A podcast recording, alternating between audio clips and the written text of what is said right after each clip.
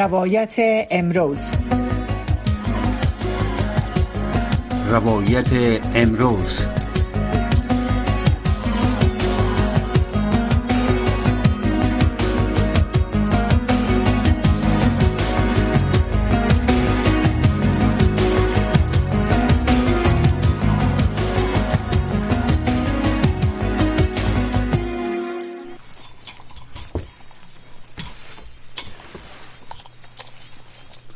سلام شنوندگان عزیز به برنامه روایت امروز از رادیوی آشنای صدای آمریکا خوش آمدین.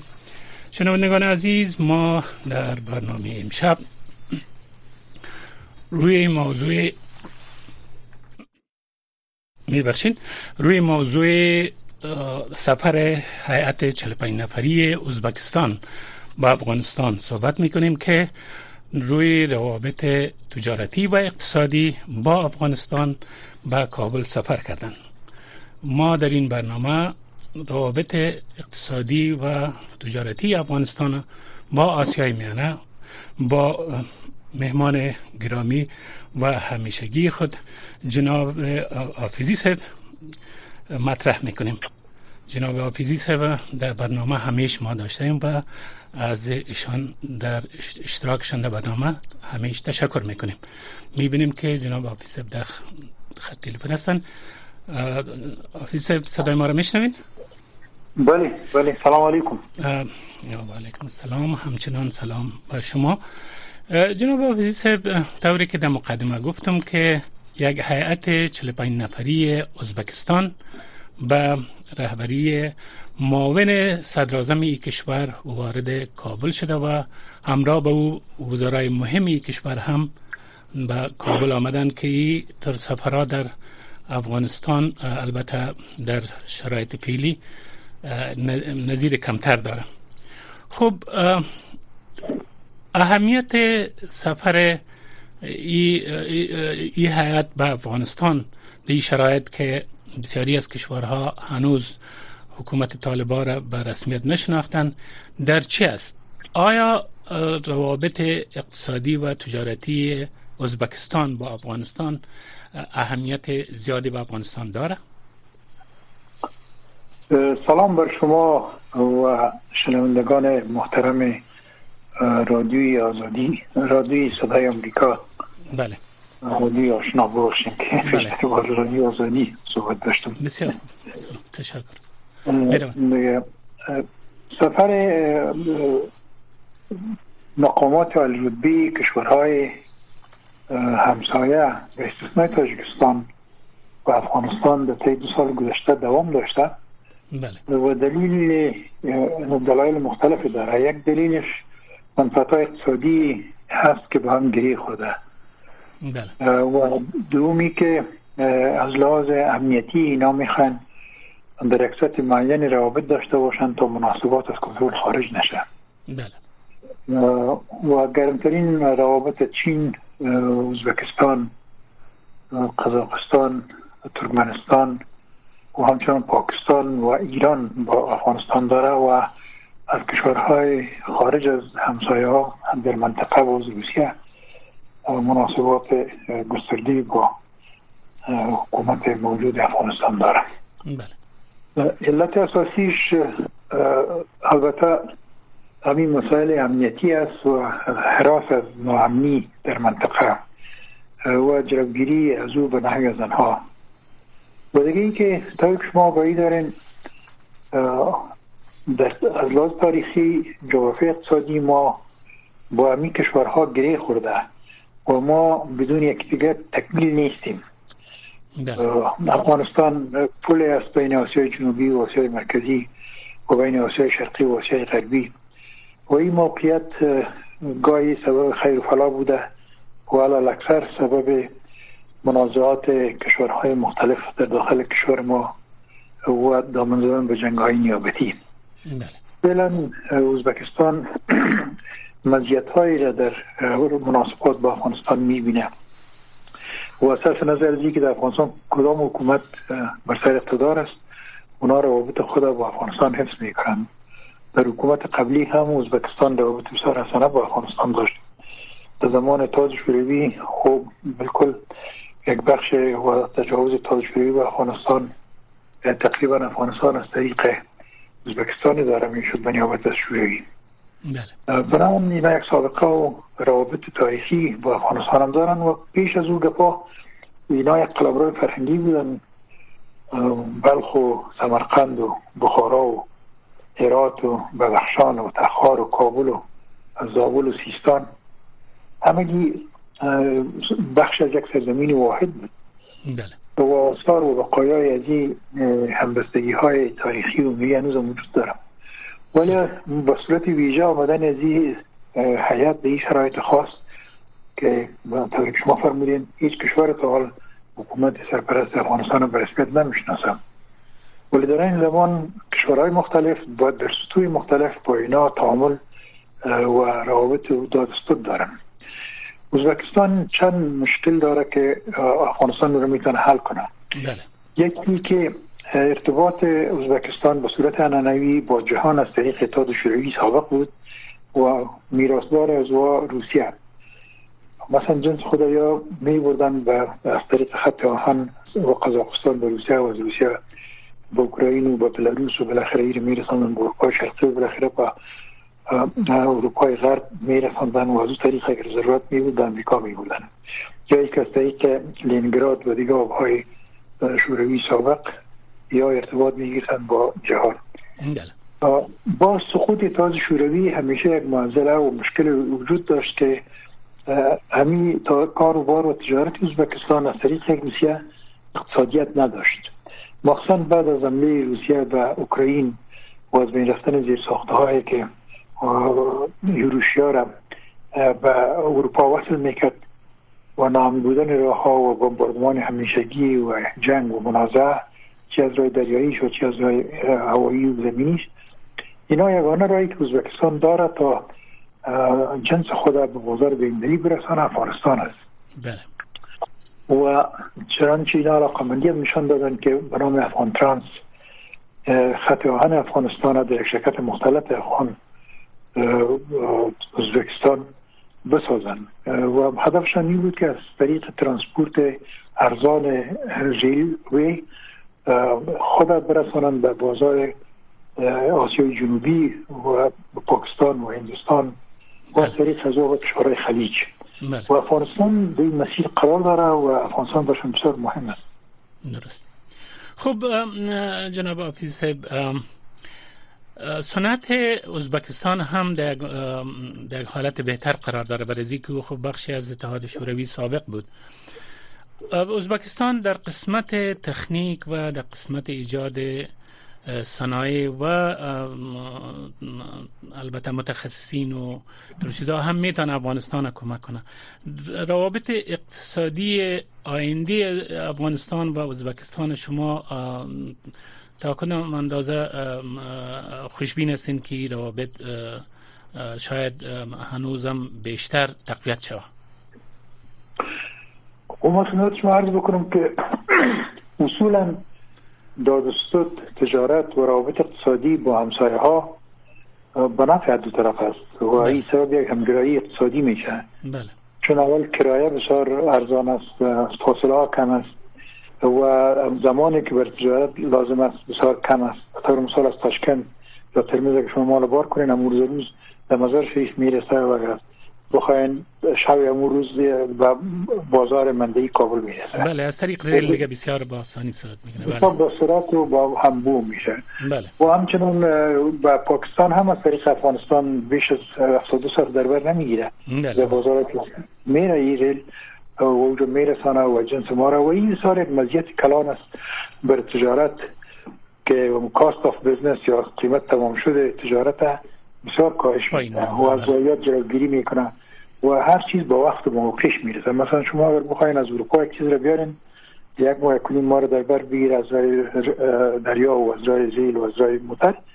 بسیاری جنس ها آماده نمی‌تونن. مخصوصا مواد خوراکه ادویجات و مواد سریع فساد او رو شما مجبور هستین به خرچای اضافی کنیم. به کانتینرهای ترموکینگ یا مثلا یخشالدار بیارین که تقریبا سی چند کرایه معمولی کرایه داره بله. دیگه زمانشون زیاد است. حال مثلا بعضی از اقلام که از افغانستان از رای پاکستان از بندر کراچی مال چین یا مال کوریا یا ژاپن نه شش ماه در بر می‌گیره. و این بسیار در روان هم بر تاجر هم بر مستهلک و این دوامی تجارت به ضرر است. از این خاطر همو ترجیح ما همی باید باشه که ما تجارت خود تا جای ممکن با همسایه خود گسترش بدیم و اول خود قدم اول باید خودکفا شویم تا جایی که ممکن است بله. و افغانستان خوشبختانه امکانات زیر داره که به خودکفایی برسه فعلا ازبکستان همین ضرورت داره که خط ریل بکشه چون پختی خودم می‌خواد صادر کنه مواد خام خدا صادر کنه یک تکنولوژی و بعض ضرورت های دیگه خدا از غرب و از خود پاکستان و از بازار هندوستان از طریق پاکستان و افغانستان و ازبکستان بیاره این افغانستان یک محبت می‌دانند برای که بله. از قیمومیت تاریخی تاج شوروی سابق و روسیه تزاری و از اقتدار روسیه کم نفس راحت بکشن و یک مسئله دیگه هم فیزی صاحب که هم ازبکستان و هم افغانستان افغانستان هم در گذشته البته محدودیت های بیرونی داشت. هر دو کشور خدا آزاد و فارغ بال احساس می‌کنن. شما از این لحاظ هم فکر نمی‌کنین که این خوب موقع است که اینا به طور آزادانه روابط اقتصادی و تجارتی و حتی در آینده اگر سایر نوع روابط داشته باشن؟ خب به صورت بالقوه افغانستان و ازبکستان طوری که گفتم بله. اینا سابق تاریخی دارن علایق دارن فرهنگ مشترک دارن. بله بله. و بخش از مردم ما زبان مشترک دارن. در ازبکستان چندین میلیون بله. فارسی زبان زندگی می‌کنه. و 90 درصد 80 درصد جمعیتشان ازبک است. و اینا همگیشان با مردم ما اختلاط فرهنگی و فرهنگی و زبانی و عقیدتی دارن. و دیگه این که قلمروای ما یکی و طور کار کنم برتان برای همی همگرایی اقتصادی بسیار با هم دیگه ما مساعد هستیم سلیقای ما یک رقم است غذای را که ما با همو آشپلاوی را که می‌خوریم قابلی که ما شما در بله. مزاری در قابل دیگه می‌خوریم بله. بران تفاوتای بین ما کم است و ما می‌تونیم که یک تطابق کلی داشته باشیم و منافع ما از یک مسیر عبور می‌کنه. بله. یگان دفعه این مرزها میگن ملت ها از هم جدا نمی‌کنه این حکومت ها از هم جدا می‌کنه بله. به این اساس اگر با ازبکستان ما علاقه داشته باشیم و با دیگه کشورهای آسیای مرکزی با تاجیکستان و با ترکمنستان بله. و از طریق از با قزاقستان و قرقیزستان و کشورهای قفقاز این بسیار به نفع افغانستان است. و ما می‌تونیم یک مسیر ترانزیت خوب بین این کشورها و کشورهای جنوبی آسیا و کشورهای خلیج باشیم. و در این حال در این حال جناب مسئله صلح و ثبات افغانستان در آینده ها اگر این همکاری ها موجود باشه چقدر ثبات در منطقه ایجاد می‌کنه؟ و اینی یک نوع از از مشکلاتی که افغانستان احساس می‌کنه خصوصا از لحاظ ترانزیت از پاکستان و, دیگر راه از این هم یک اندازه ثبات اقتصادی به وجود خواهد آمد به نظر شما. خب بسته به این است که اراده جهانی چی است؟ چون دنیا بالاخره یک نظم کلی هم داره. غیر از اینکه کشورها بر خود منافع دارن نظم جهانی هم وجود داره. بله. و در اون نظم جهانی چی ارادی وجود می داشته در مورد رشد و پیشرفت و ترقی کشورهای ما و منطقه ما؟ بله. و بسیاری چیزا البته به اجازه از نیست. ما خود ما حق داریم که نفس بکشیم نان بخوریم تولید کنیم. بله. و در رقابت جهانی سهم بگیریم. اما برای کارهای بزرگ و کلان مثلا پروژه های حیاتی مانند تاپی و تاپ و کاسا و خط ریل و ایگپا توافق منطقوی و حتی تایید جهانی ضرورت است. در غیر از او باز جنگای نیابتی و وطن ما یک نفر موافق است یک نفر مخالف است. چون در این مسیر کلگی رشد می‌کنه پاکستان رشد می‌کنه. نه تنها به خاطر رفع هوایج و اون نیازمندی های خودش چون پاکستان خواهد در قدم اول بسیار بحث ضرورت داره. بله. در سال گذشته چهارنیم هزار نفر در فقط در یک شهر کراچی از گرمی مردن. بله. و برق نبود که اونا مو چیزایی برای سرد کننده چالان بکنن. به این اساس اونا با برق آسیای مرکزی ضرورت دارن با پختی آسیای مرکزی ضرورت دارن به مواد خامش ضرورت دارن ولی باز رقابت های وجود داره در منطقه باز کشورهای دیگه هستن که قدر طرفدار پیشرفت از کشور نیستن بله. اگر یک تفاهم و توافق باشه بین کشورها در مورد رشد افغانستان و رشد منطقه و خودبسندگی آسیای مرکزی این مفیدترین راه است و من یقین کامل دارم که ما فرصت های استفاده ناشده زیادی داریم که از او باید استفاده کنیم به نفع مردم خود بله. و حتی ما طرفدار عجیب بودیم و بارها وقتی که ما مسئولیت سکتور خصوصی افغانستان هم داشتم همیشه میره مطرح می‌کردم که ما هیچ مانعی نداره که یک منطقه آزاد اقتصادی را یا یک مقصد همگرایی اقتصادی کلی بین پاکستان و هندوستان و افغانستان و آسیای مرکزی و قفقاز و ایران چین درست کنیم. بله. شما از ایران یاد کردین؟ میبخشین. شما از ایران یاد کردین. چند قبل یک حیات بزرگتر از ایران هم به عین مقاصد به افغانستان سفر کردن تا مسئله آینده تجارت و سایر روابط اقتصادی را با افغانستان شما از ایران چگونه می‌بینین؟ آیا ای برای افغانستان اهمیت ایران از لحاظ تجارتی و از لحاظ روابط اقتصادی چه است و او را با ازبکستان چگونه مقایسه می‌کنید او به ایران یک کشور نسبتا مقتدرتر است و تولید نخالص داخلیش زیاد است و امکانات داره مثلا از صنایع پتروشیمی پیشرفته برخوردار است. تیل داره گاز داره و یک قلمرو بزرگ داره و مردم تعداد جمعیت زیادتر است. البته همه ولایات شمال غرب ما و در این زمان جنوب غرب و در این زمان قسمت های که مربوط است به از یک قسمتی از نیمروز گرفته تا به فراو تا به هرات.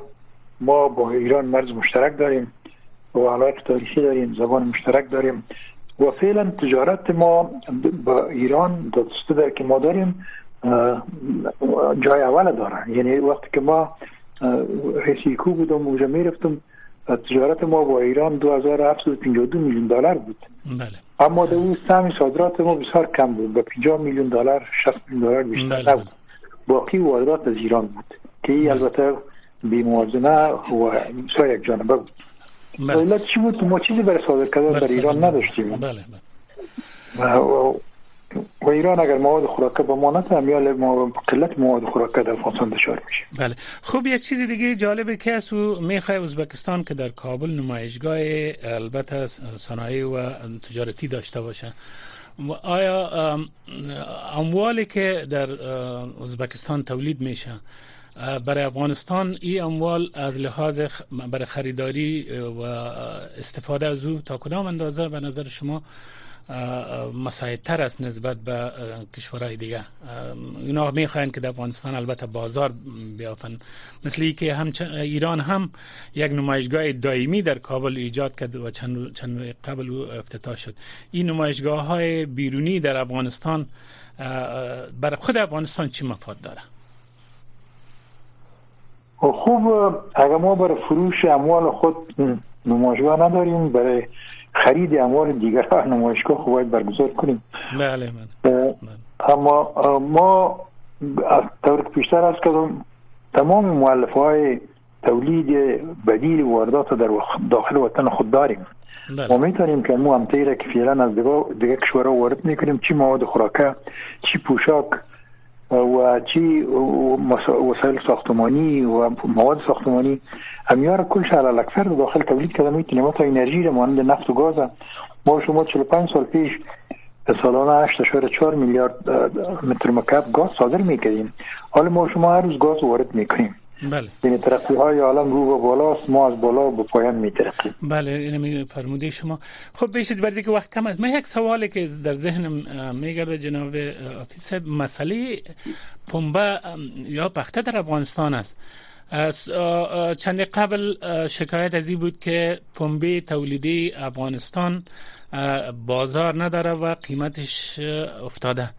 حالا که در افغانستان در گذشته فابریکات یا صنعت نساجی چقدر پیشرفت کرده بود. حال آیا باز ضرورت به این ضرورت به این نیست که فابریکات نساجی گذشته اگر در حالت فرسودگی هم قرار داره برای پختی افغانستان دوباره احیا کنن؟ به نظر شما این کار تا کدام اندازه اهمیت داره؟ خب تاریخ میگه گذشته چراغ رای آینده است. بله.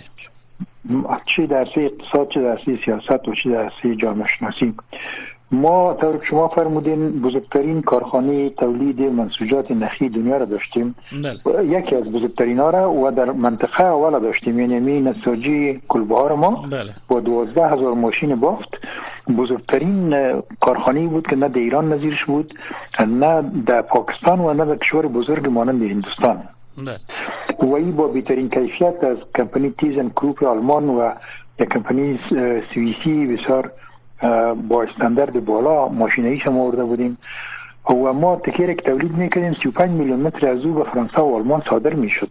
یعنی ما میدن افغانستان در اروپا هم وقت یک اعتبار و نام خوبی داشت. دیگه ما او سیستم میگان قدر بیش که ساقی نمون به او وقت ما شما پختی را که تولید می‌کردیم بهترین نوع تخته پخته بعد از پختی مصر بود. بله مصر. در وادی نیل یک پختی را تولید می‌کنن که حالا بله. در دنیا اول است. بله. بعد از اون ما به جای دوم خود رسانده بودیم.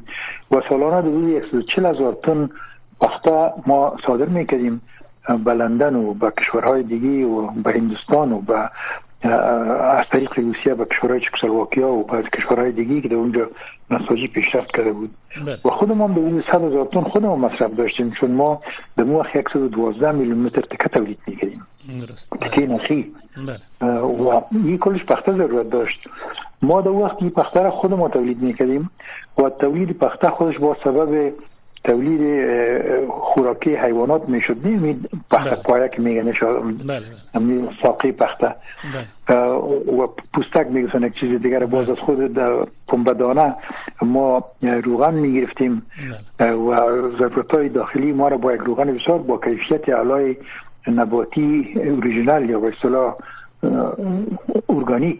بله. ما او رو خودمون تولید می‌کردیم. او بسیار سوای خیر و فلا میشه ولی او یک برنامه مدون اقتصادی بود که از خان زابلی طرح کرده بود و شرکت های باز به نام شرکت سپینزر بود شرکت موافق هرات بود شرکت بست بود شرکت سخی ماشینکاران بود. این شرکت ها در مجموع کارشان تولید پخته process پخته صادرات و همچنان تامین ضرورت های نساجی ما بود. بله. متاسفانه نساجه های ما و فابریکه دیگه بود به نام جنگلک که او پرزجات کونه و کار افتاده ریختگری می‌کرد تولید می‌کرد ما یک یادتان باشه در وقتا یک اعتراض کردم برای حکومت وقت که اینا او را باعث امام سونا کارخانه جنگلک به کرایه داده بودن ما گفتم باید که کارخانه جور شوی کارخانه کارخانه مادر است بله. یعنی حتی پرزجات شکسته تیاره آریانا رو اون چی باز که قیمت های بسیار سرسام داشت به اون ریختگری می‌کردن و با استاندارد عمر جور می‌کردن این بله. مهارت های کاری هم گم شد رفت و اون فابریکا بسته شد ما متاسفانه از مو با عدم شناخت از واقعیت های اقتصادی که رهبرای سیاسی ما نداشتن متاسفانه ما تمام چیزها را که در جایی که رسیده بودیم همونجا را نگاه کرده نتونستیم. پس عقب گرد کردیم. و باید ما در این مورد یک اندیشه رهنما یک نقشه برای پیشرفت و یک آسیب شناسی دقیق از گذشته خود داشته باشیم. نقشه را بله. خب این به نظر شما چطور می‌تونه که دوباره احیا شود؟ از طریق حکومتی یا از طریق یا از طریق سکتور خصوصی. آیا سکتور خصوصی اراده سرمایه گذاری در بخش نساجی داره یا نداره؟ جناب آفیز ما سه پیشنهادهای مشخص به حکومت ها کردیم. در بله. حکومت اخیر که سقوط کرد تحت رهبری آقای دکتر اشرف بله. ما برنامه مشخصی داشتیم بهشان گفتیم که چیزی رو به نام public private partnership یا PPP میگن. بله. خود شما باید رو می‌فهمین تصدی های مشترک بودین در گذشته تصدی های مشترک افغانستان حکومتی و خصوصی بود. او اشکال مختلف داشت. بله. حکومتی و چه دکی تو که مثلا نساجی افغان وقتی که نساجی گلبار و یا نساجی بلخ یا نساجی هرات یا نساجی قندار یا ساخته می‌شد یا شرکت میوه قندار حکومت باعث کل از این تشبسات حمایت می‌کرد. به طور مثال 4500 جریب زمین در فابریکه نساجی چیز دادن گلبار و این نساجی خود شرکت سامی بود و به سکتور خصوصی تعلق داشت. بله. اما در مقابلش باز با میلیون ها افغانی مالیات می‌دادن. باز ده دوازده هزار نفر فقط در نساجی افغان به کار گماشته شده بودن که اونا مالیات می‌دادن از معاش خود. دیگر بر رونق بازار و قدرت خرید داشتن و گوشه از مملکت آباد شده بود و صادرات ما ازدیاد یافته بود و ما اثار وارد می‌کردیم به افغانستان. از طریق صادرات خود 140 هزار تن پخته صادر می‌شد مثلا 35 میلیون متر تکه صادر می‌شد. یا خب پس اثار به داخل افغانستان میوردن خب. باید یک برنامه مدون اتونی که گزینه ای باشه که مثلا رئیس جمهور با کس دوست است یا آشناس بر یک امتیاز فوق العاده بده که دیگر حاضر ده به صورت عام مثلا شرکت نساجی گلبار و بانک ملی افغان یک نمونه بسیار خوب است. بله. ده میلیون سهمدار بود. هر کس می‌تونه هر افغانی گفتم مگه 100 دلار هم می‌تونست می‌تونستم بگم بله آره این کار امکان دار از این بادش بریزی که چی چی شود جناب آفیس بریزی که حالا خوی مرحله رسیده که ادامه میشه که در افغانستان تا اندازه امنیت است و فساد هم کم است و یک اندازه سرمایه گذاری ها هم تشویق شدن آیا فی چی شود در می رابطه که ما بیشتر پرسان کنیم خب اول خدمت شما عرض بکنم که اموال هم سکتور خصوصی افغانستان بسیار وظایف مهم را انجام میتن بله بله. همین یک ده دوازده میلیارد دلار که بله، برای دوام تهیه مواد استلاکی بله. است امور امیا تامین کردن امیال در تمام افغانستان مواد خوراک وجود داره مواد سوخت وجود داره پوشاک وجود داره مواد ساختمانی وجود داره علت بله. هیچ چیزی نیست اینکه مردم قدرت خرید نداره این دیگه مسئولیت سکتور خصوصی نیست بله. دومی که در تیل و مثلا ذخایر در زمان وقتی که تیل در اختیار حکومت بود 50 هزار تن ذخایر کل افغانستان بود تیل و گاز ما بله. حال در حدود دو نیم میلیون تن ما ذخایر داریم بله. یعنی در منطقه بی نظیر است همین یک ترانسپورت مدرن از بوزرا یا تانکرهای تیل داریم ما شما که در کشورهای نه تنها افغانستان بلکه کشورهای همسایه ما ترکمنستان و مثل ازبکستان و ایران هم تانکرهای خود ما میره بله. به این اساس سکتور خصوصی افغانستان هنوز فعال است هنوز حضور داره و همین ثبات نسبی اقتصادی هم که از برکت موجودیت هم سکتور خصوصی افغانستان است. ما در حدود 5000 فابریکه داریم اما فابریکای خود ریزه است و کوچک است. و اکثرا صنایع مونتاژ است. اما به هر صورت هست و در حدود 400 هزار نفر به این کارخانه ها کار می‌کنن. بله. ما به این نظر هستم که تمام از این کارها در قدم اول به یک بستر سیاسی مناسب ضرورت دارم. که مثلا در اون زمان وقتی ما فابریکا را از کمپانی کروپ و تیزن می خریدیم یک اعتباری بینلی داشتیم که بر ما بسیار قرضای سال و آسان اگزم بانک آلمان می‌داد. مثلا آیمف بر ما اگر تقاضا می‌کردیم قرضه می‌داد. جمهوری فدرالی آلمان خودش از بانک مرکزیش بر ما قرضه می‌داد. هر تقاضای ما رد نمی‌شد.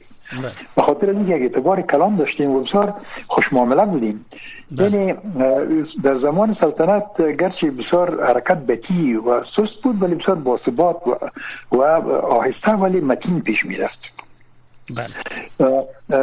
و در نتیجه از او یک اعتبار بینلی به وجود آمده بود. بله. حال هم ما ضرورت به یک اعتبار بینلی داریم و تا وقتی که افغانستان دنیا به رسمیت نشناسه برای ما می تکنولوژی را کس نمیفروشه مثلا اگر ما بخوایم که باز فابریکه نساجی ساخت آلمان یا سوئیس بخریم برای ما نمیفروشن. میگه ما شما رو به رسمیت نمی‌شناسیم. خب. باز بعضی گرانتورا و بعضی مثلا شرکت های بیمه است که تو کارخانه کلان بیمه می‌کنن ما بیمه نمی‌کنن. دیگه پول ما نمیشه که جوال بیاریم برای جواب بتیم. خب پول باید سیستم بین‌المللی سویفت استفاده کنیم. ما, ما بله. سیستم سویفت بیبره هستیم.